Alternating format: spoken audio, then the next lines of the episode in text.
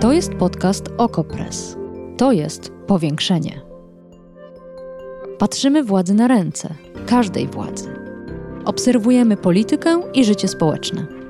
Ustalamy fakty, komentujemy wydarzenia i przede wszystkim rozmawiamy z Wami i z naszymi gośćmi. Zapraszam, Agata Kowalska.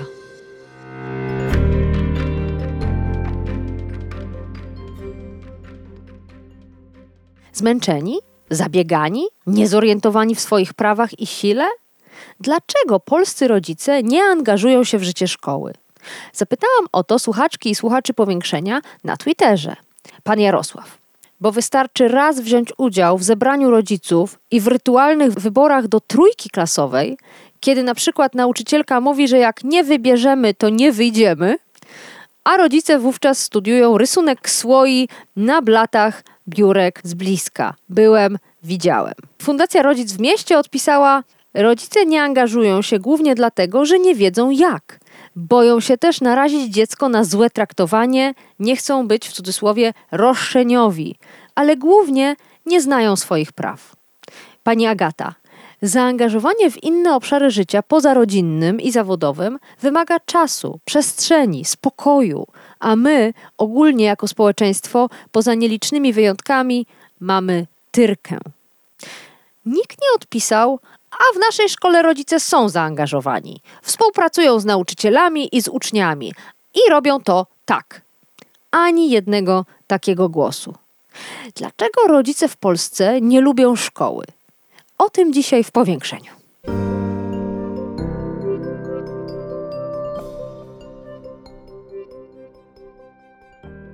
A naszym gościem jest pani Dorota Łoboda, radna miasta Warszawy, a dawniej liderka ruchu Rodzice przeciwko reformie edukacji, jeszcze za czasów minister Zalewskiej. Dzień dobry. Dzień dobry. Przyczynkiem do naszej rozmowy jest oczywiście Lex Czarnek, przepisy, które ograniczają wolność szkoły, a zarazem ograniczają wolność rodziców. Natomiast ja chciałam sprawdzić, co zostanie tym rodzicom odebrane. I z tych głosów, które przytoczyłam, wynika, że niewiele, bo rodzice nie chcą angażować się w życie szkoły. Czy mogłaby Pani teraz zaprzeczyć mojej tezie i przytoczyć mnóstwo przykładów na to, że rodzice w szkole mogą działać?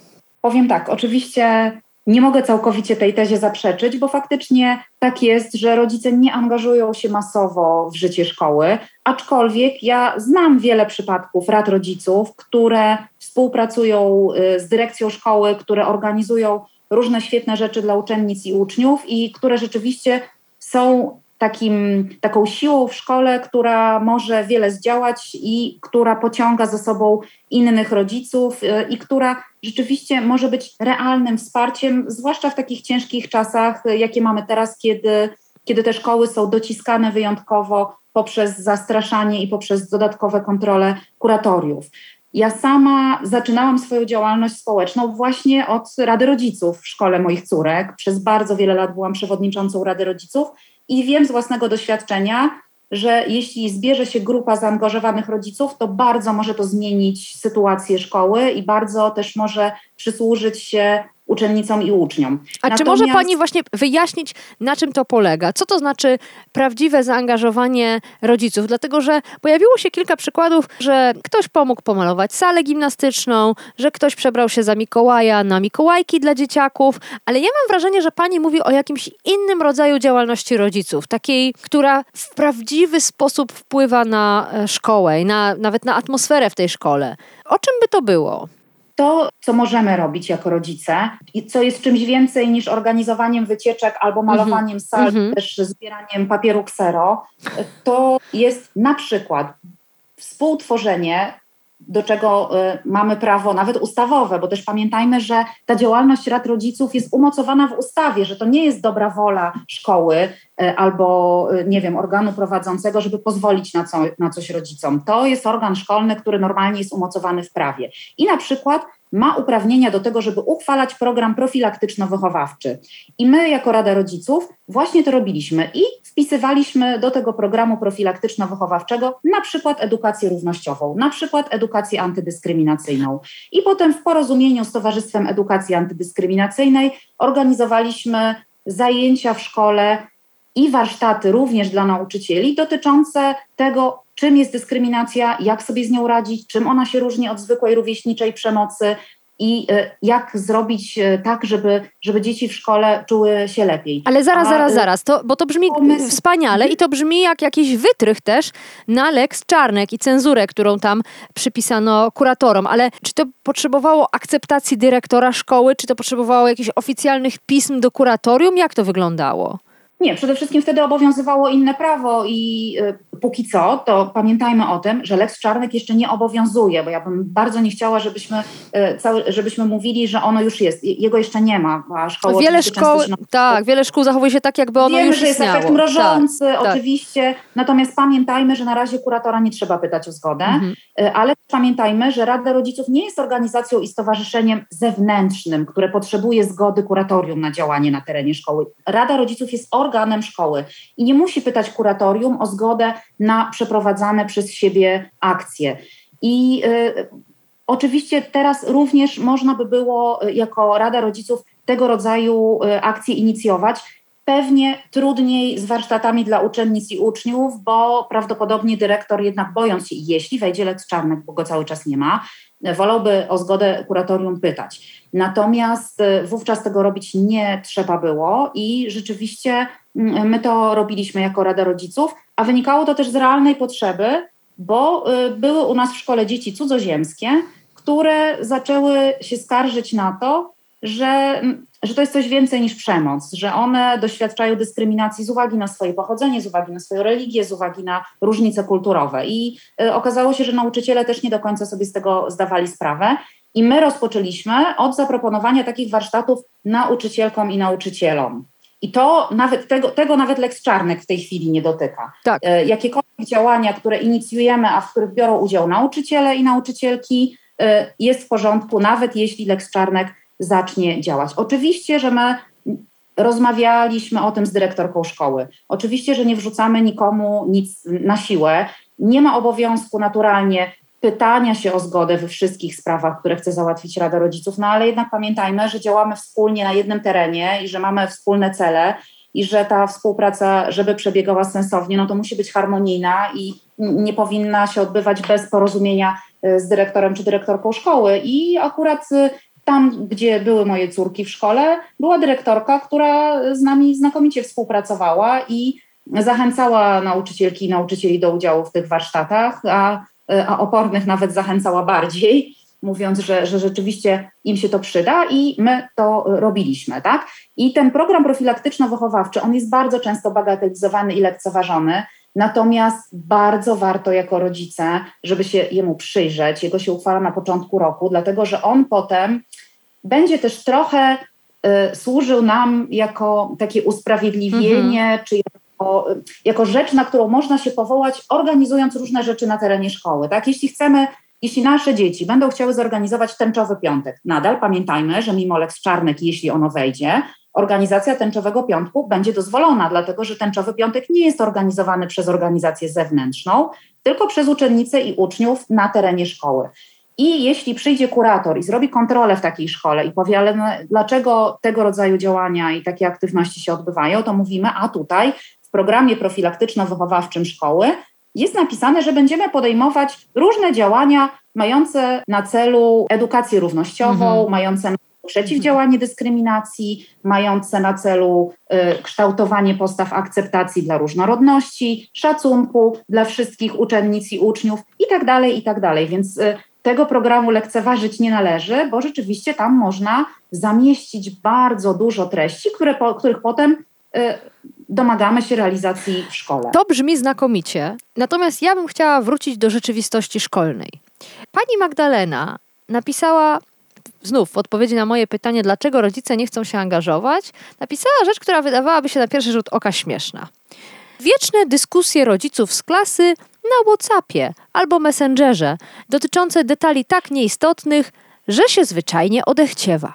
Mechanizm jest zwykle ten sam. Ktoś z Rady Rodziców wrzuca na grupę na komunikatorze pomysł na prezent. W wersji optymistycznej wszyscy się zgadzają.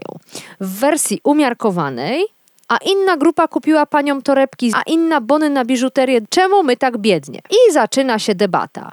Potem wchodzi jeszcze wątek wyboru dziecka, które wręczy prezent, bo przecież trójka klasowa nie może ciągle dawać prezentów paniom, bo to deprecjonuje inne dzieci. A na koniec część dzieci przynosi swój własny prezent oprócz tego ogólnego.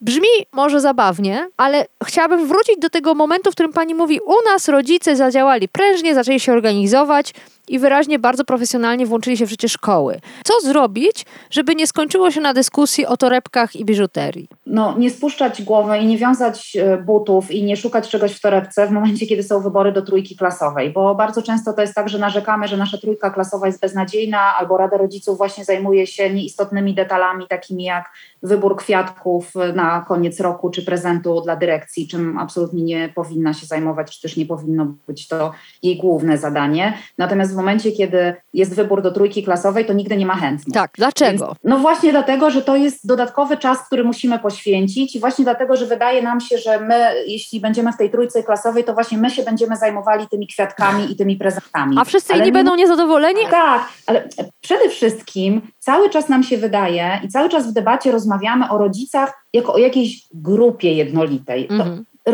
to nie jest żadna grupa, ona jest taka sama jak całe nasze społeczeństwo i nic ich nie łączy, oprócz tego, że znaleźli się dość przypadkowo w jednej klasie, bo mają dzieci w tym samym wieku. Nawet ci rodzice nie są w tym samym wieku. Oni mają tak różne przekonania i tak różne wartości wyznają i tak różne mają modele życia, jak całe nasze społeczeństwo. I to, że oczywiście powinno ich łączyć dobro dzieci. No tak, no łączy ich troska o dobro dzieci, tylko że każdy z nas to dobro dziecka pojmuje inaczej, więc y, musimy przyjąć do wiadomości, że to nie jest jakaś zwarta i zorganizowana grupa, która będzie y, działała w jeden sposób, bo coś ich y, łączy. Natomiast cały czas ja uważam, że jeżeli chcemy coś zmienić, no to musimy się w to zaangażować. Jeśli nie podoba nam się, że nasza trójka klasowa zajmuje się mm, kupowaniem kwiatków, no to zgłośmy się w kolejnym roku do tej trójki klasowej albo do Rady Rodziców i zaproponujmy inne działanie, bo rozbijanie się rzeczywiście w dyskusjach na WhatsAppie no nie ma żadnego sensu i jest wyłącznie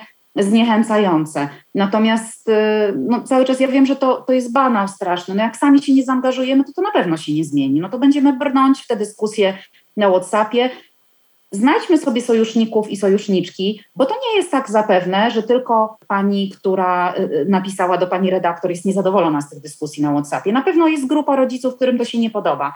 No to dotrzyjmy do nich i zaproponujmy kompletnie coś innego, tak? Zaproponujmy, zajmijmy się czymś innym, zajmijmy się tym, żeby na przykład nasze dzieci w szkole nie były karane za farbowanie włosów, albo zajmijmy się tym, że w naszej szkole y, jest przemoc a co z tym strachem, że w efekcie nauczyciele będą mścić się na dziecku, bo będą wiedzieli, że to rodzic tego dziecka zaburza ustalony od lat porządek, każe coś dodatkowego organizować, nie daj Boże, chce jeszcze doszkalać nauczycieli i zajmować im czas. Jak pokonać ten strach o dziecko?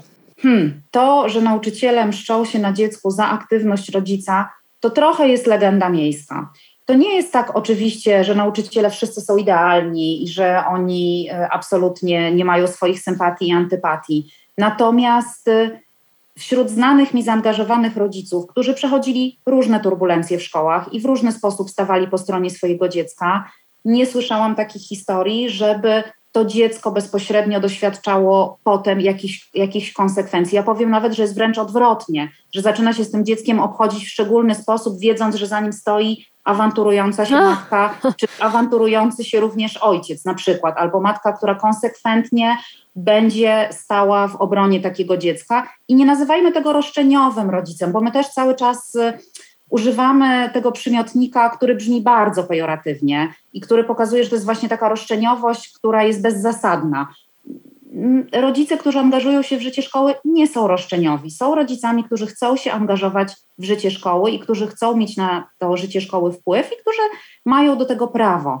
Ja też zaczynałam swoją działalność, kiedy był jeszcze inny dyrektor szkoły, niechętny współpracy z rodzicami, od tego, że walczyłam o lekcje etyki. I wszyscy mi mówili, że tego się nie da zrobić w szkole, że tej etyki nigdy nie było i żebym się nie wychylała, mm. bo moja córka niesie konsekwencje. To się nie wydarzyło, natomiast w szkole pojawiła się etyka i zaczęło na nią chodzić 100 dzieci, choć wcześniej mówiono, że nie zbierze się nawet siódemka, bo jeszcze wtedy były takie przepisy, że trzeba było znaleźć siedmioro dzieci. Więc, e, Ale pani ja myślę- sama wywalczyła te lekcje etyki, czy zebrała grupę? Ile was musiało być, żeby to zadziałało? Wtedy musiała być siódemka. Siedmioro dzieci, których rodzice zadeklarowali, że będą chcieli, e, żeby były. I jak pani ich etyki. znalazła? Jak to się robi? Jak to się robi? Teraz jest nawet łatwiej, bo to, było e, e, wiele lat temu, kiedy jeszcze tak media społecznościowe nie były powszechne e, wśród rodziców. Teraz to po prostu mamy Facebooka, mamy WhatsAppa, mamy Messengera, są grupy rodzicielskie, są grupy szkolne, są profile szkół i tam po prostu wystarczy napisać hej, kto chciałby się włączyć w takie czy takie działanie. Wtedy ja po prostu rozesłałam maile do przewodniczących trójek klasowych z prośbą o to, żeby zapytali w swoich klasach, kto chciałby zapisać swoje dziecko na etykę. I okazało się, że nawet ta grupa inicjatywna liczyła zdecydowanie więcej niż siedem No osób. Hmm. Potem się okazało, że, że jedna czwarta dzieci w szkole zaczęła chodzić na te lekcje etyki, tylko trzeba to było zacząć. No i też to był taki początek tego działania, bo wokół tej grupy, która walczyła o etykę, zbudowała się nowa Rada Rodziców, takich, którzy właśnie chcieli się angażować w coś innego niż kupowanie kwiatków. Więc y, często te Rady Rodziców i ta, ta działalność rodziców rozpoczyna się od jakiegoś konkretnego działania. Zawalczmy o coś. Często Mhm. to jest, nie wiem, w budżecie partycypacyjnym dotyczący szkoły, albo właśnie mm, coś y, związanego z, ni- niestety często z, y, z jakąś konfliktową sytuacją, że jest na przykład jakiś nauczyciel, który niewłaściwie postępuje, albo że, nie wiem, coś jest y, nie tak w stołówce albo w szkolnej świetlicy. I wtedy rodzice zaczynają się komunikować ze sobą, podejmują jakieś działanie, rozwiązują problem i idą dalej. A czasami to jest, nie wiem, wspólna chęć e, zorganizowania szkolnego pikniku albo jakiejś fajnej wycieczki. Ale to, co pani mówi, wydaje mi się szalenie e, istotne. Mówi pani, to nie chodzi o to, żeby teraz rodzice ogłosili, że będą walczyć z Lex Czarnek. Skupmy się na skutkach tej nowelizacji, na przykład na tym, że w szkole zabraknie takich i takich zajęć, albo że jest zagrożenie, że nie będzie odpowiedniej e, inicjatywy dyrektora w jakiejś kwestii. E, czyli wybrać sobie jeden, może nawet mniejszy cel, niż spalać się w proteście przeciwko e, całej nowej rzeczywistości. Dokładnie tak. To znaczy, ja oczywiście jestem wielką zwolenniczką niepoddawania się i protestowania, chodzenia na manifestacje, wyrażania swojego sprzeciwu. Naturalnie tak. Natomiast y, my już wiemy z doświadczenia, że ta władza nie bardzo się przejmuje takimi Mhm. protestami. Mhm. One niewiele zmieniają w rzeczywistości szkolnej naszych dzieci, że ta władza idzie jak walec. Nawet jak mieliśmy milion podpisów przeciw, pod wnioskiem o referendum przeciwko reformie Zalewskiej, one wylądowały w koszu i Prawo i Sprawiedliwość zrobiło swoje. Więc y, moje zdanie jest takie, że my jako rodzice możemy bardzo wiele w szkole zdziałać. Możemy też wesprzeć dyrektorów, bo też pamiętajmy, że jeżeli nawet jest dyrektor, czy jest nauczycielka, czy nauczyciel, którzy chcieliby y, zrobić coś sensownego, to oni potrzebują też wsparcia rodziców, ale nie takiego, że my im kupimy kwiatek na koniec roku, Mhm. tylko kiedy nauczyciel czy nauczycielka proponuje jakieś y, sensowne zajęcia, to powiedzmy, zabierzmy głos, że tak, dlatego że pamiętajmy o tym, że druga strona, która bardzo często ma oparcie w Ordo Juris, nie waha się z tym, żeby powiedzieć, że się nie zgadza, bo to jest demoralizacja, albo że mm, takie zajęcia się nie powinny odbywać. Ci rodzice, którzy protestują przeciwko jakimś zajęciom, mają śmiałość, mają odwagę, żeby zabierać głos na, zajęć, na, na zebraniach i wystarczy jeden taki rodzic w klasie albo dwóch w całej szkole i potrafią zdezorganizować życie tej szkoły z uwagi na bierność pozostałych osób, że wszyscy inni mówią, dobra, nie chce mi się szarpać z tym człowiekiem, trudno. Nie będzie tych zajęć, ja swoje dziecko zapiszę gdzie indziej, zostawmy to. No i taki dyrektor czy nauczycielka, nauczyciel zostaje sam po prostu z tym, z tym problemem, więc my też jesteśmy tam po to, żeby, y, żeby w tym momencie, kiedy jest jakieś zewnętrzne zagrożenie, a jest nim Lex Czarnek bez wątpienia i w ogóle obecna władza, która stara się przejąć całkowitą kontrolę nad szkołami, no to po prostu y, wesprzyjmy, protestujmy też u siebie w szkole i Tu, tu nie bardzo, mam na bardzo kolejny apel y, czy akademię związaną z żołnierzami wyklętymi albo Janem Pawłem II, jeśli to jest sprzeczne z naszym światopoglądem, to powiedzmy, że nam się to nie podoba. Hmm. Bo jak siedzimy cicho, no to szkoła myśli, no dobra, to jest okej, tak? Pani Dorota w czasie tej dyskusji napisała: Rodzice na ulicę, szkoła jest nasza. Na co odpisał pan Krzysztof? Rodzice do szkół, a nie na ulicę. W szkołach trzeba tworzyć struktury, które przeciwstawią się bezprawnym ingerencjom kuratorów. I poparł e, pana Krzysztofa Pandarek, który napisał tu żadne petycje, bo taki był pomysł, nic nie dadzą. Włączajcie się Państwo aktywnie w to, co się dzieje w szkołach. Wymuszajcie na dyrektorach podejmowanie działań rozwijających Wasze dzieci. Nadzorujcie realizację tych przedsięwzięć. Stawajcie w obronie dyrektorów i nauczycieli, gdy będą się ich czepiać kuratorzy. Skoro minister Czarnek mówi o tym, że reaguje na życzenia rodziców, reagujcie. Dajcie kuratorom do zrozumienia, że realizowane w szkołach przedsięwzięcia to Wasza większości rodziców inicjatywa. Ważny głos, prawda? Bardzo ważny, tak, dlatego że właśnie tak to powinno przebiegać. Oprócz tego, że my sobie piszemy na Facebooku, że się nie zgadzamy mm. na coś, ale nic nie idzie za tym żadne działanie, no to, to my też nic nie zmienimy. Nawet jeśli to Lex Czarnek wejdzie, choć oczywiście jakaś nadzieja pozostaje, że, że ono nie zostanie uchwalone, to dalej są furtki i są możliwości jednak działania na rzecz dzieci w szkole. I to też nie jest tak, że my wspieramy dyrektorkę i dyrektora, żeby on czy ona nie stracili stanowiska. To nie o to chodzi. Jeżeli jest świetny dyrektor czy dyrektorka, którzy robią dużo dobrych rzeczy, no to stańmy y, razem z tym dyrektorem czy dyrektorką i im pomóżmy, tak? I też domagajmy się jakichś zajęć albo sami pomagajmy je realizować. Nawet jeśli wejdzie Lex Czarnek, to pamiętajmy, że tak, to Lex Czarnek nie dotyczy pracowników szkoły, nauczycielek i nauczycieli, a y, część z nich ma kompetencje do tego, żeby prowadzić jakieś zajęcia dodatkowe. Tak? Być może pani od WDŻ jest w stanie poprowadzić bardzo sensowne warsztaty dodatkowe z rzetelnej edukacji seksualnej. Mm. Y, o tym również rozmawialiśmy z Piotrem Pacewiczem w niedawnym odcinku Powiększenia. To już odsyłam Państwa do archiwum e, podcastu i posłuchania o tych różnego rodzaju furtkach, jakimi można omijać Lex Czarnek, nie łamiąc prawa. Ale jeszcze na koniec zastanawiam się nad dziećmi.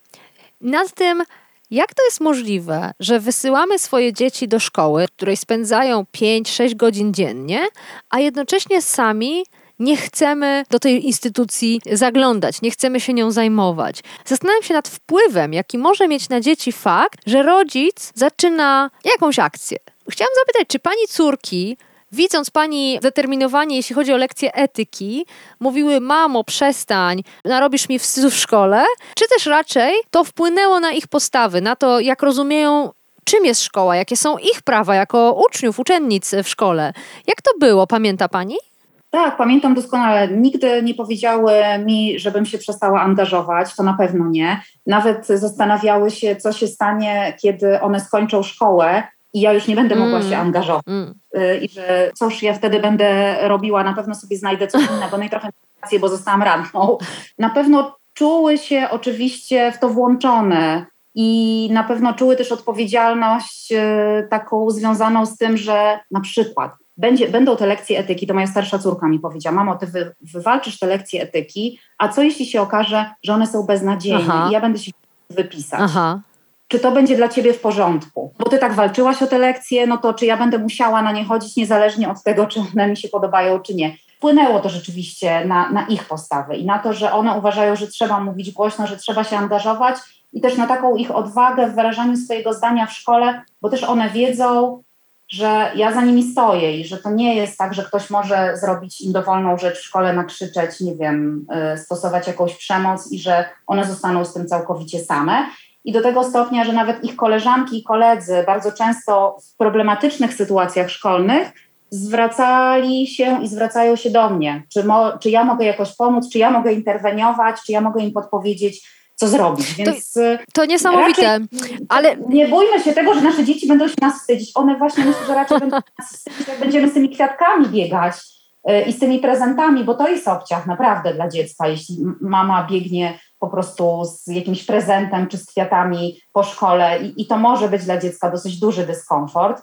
Natomiast nie wtedy, kiedy my w porozumieniu, bo też pamiętajmy, że my, że ja to wszystko też robiłam w porozumieniu z moimi dziećmi, tak to one chciały chodzić na etykę. Hmm. I to one chciały, żeby coś było lepszego w szkole oprócz tych zwykłych lekcji. I to one chciały, żeby interweniować w sprawie religii w środku planu lekcji. To, to tak wyglądało, więc to też nie, nie, nie wymyślajmy czegoś na siłę. Tak? Pamiętajmy, że jednak podmiotem w tym wszystkim to są te dzieci, uczennice i uczniowie w szkole, więc nie uszczęśliwiajmy ich na siłę, to jest jasne. No, warto z nimi gadać i wiedzieć, No, co oni by to. chcieli. Otóż to. E, Zupełnie na koniec. Szkoła nauczyła panią, jak walczyć o swoje, o siebie, o ważne sprawy, czy z zupełnie innego źródła uzyskała pani takie umiejętności? Czy moja szkoła, do której ja No chodziłam, tak. nauczyła Skąd pani Tak. wiedziała, jak walczyć? Powiem tak, ja w ogóle chodziłam do szkoły podstawowej na Pradze Północ. To było naprawdę trudne środowisko i tam rzeczywiście trzeba było w ogóle walczyć o swoje. Y, I, I pewnie z tego też y, wynika mój dość asertywny charakter i to, że, że potrafię powiedzieć, y, na czym mi zależy. Natomiast sama szkoła jako instytucja nigdy mnie tego nie nauczyła, dlatego że ona zawsze była opresyjną instytucją, zawsze była miejscem, które nie pozwalało uczniom na wyrażanie swojego zdania, zawsze była miejscem, które, w którym raczej można było dostać karę niż nagrodę i w którym nikt nie cenił y, własnego zdania. Ona, ona od wielu lat, to nie jest tak, że to PiS y, wprowadził i wymyślił, y, jedną z za jedną z nadrzędnych wartości stawia posłuszeństwo. Tak jest. Tym bardziej ja patrzę z dosyć dużą dozą optymizmu, mimo wszystko, na to, co się teraz dzieje, bo jest to lekcja taka obywatelska dla naszych Mm. dzieci. Ja nie na ulicę w obronie klimatu, ja nie wychodziłam na ulicę w obronie praw reprodukcyjnych y, jako uczennica. y, I właściwie nie było takich pól, w które można się było angażować, a oni się teraz jednak bardzo angażują, więc y, też warto ich w cały ten proces włączyć, zwłaszcza kiedy są już starsi i są na przykład w szkołach ponadpodstawowych. No to, to wtedy, wtedy to już raczej ta rola Rady Rodziców powinna być marginalizowana na rzecz samorządu uczniowskiego, który też jest umocowany w ustawie i który też może podejmować własne działania. Niekontrolowane przez kuratorium. Dorota Łoboda, radna miasta Warszawy, dawniej liderka ruchu Rodzice przeciwko reformie edukacji. Bardzo dziękuję za to spotkanie. Powiększenie. Podcast Okopres. Prowadzenie Agata Kowalska. Podcast znajdziesz na stronie Okopres i w Twojej ulubionej aplikacji do podcastów. Redakcja Okopres działa od 2016 roku. Jesteśmy obywatelskim narzędziem kontroli władzy, obecnej i każdej następnej. Okopres utrzymuje się z Waszych darowizn. Wesprzyj nas, byśmy mogli działać dalej.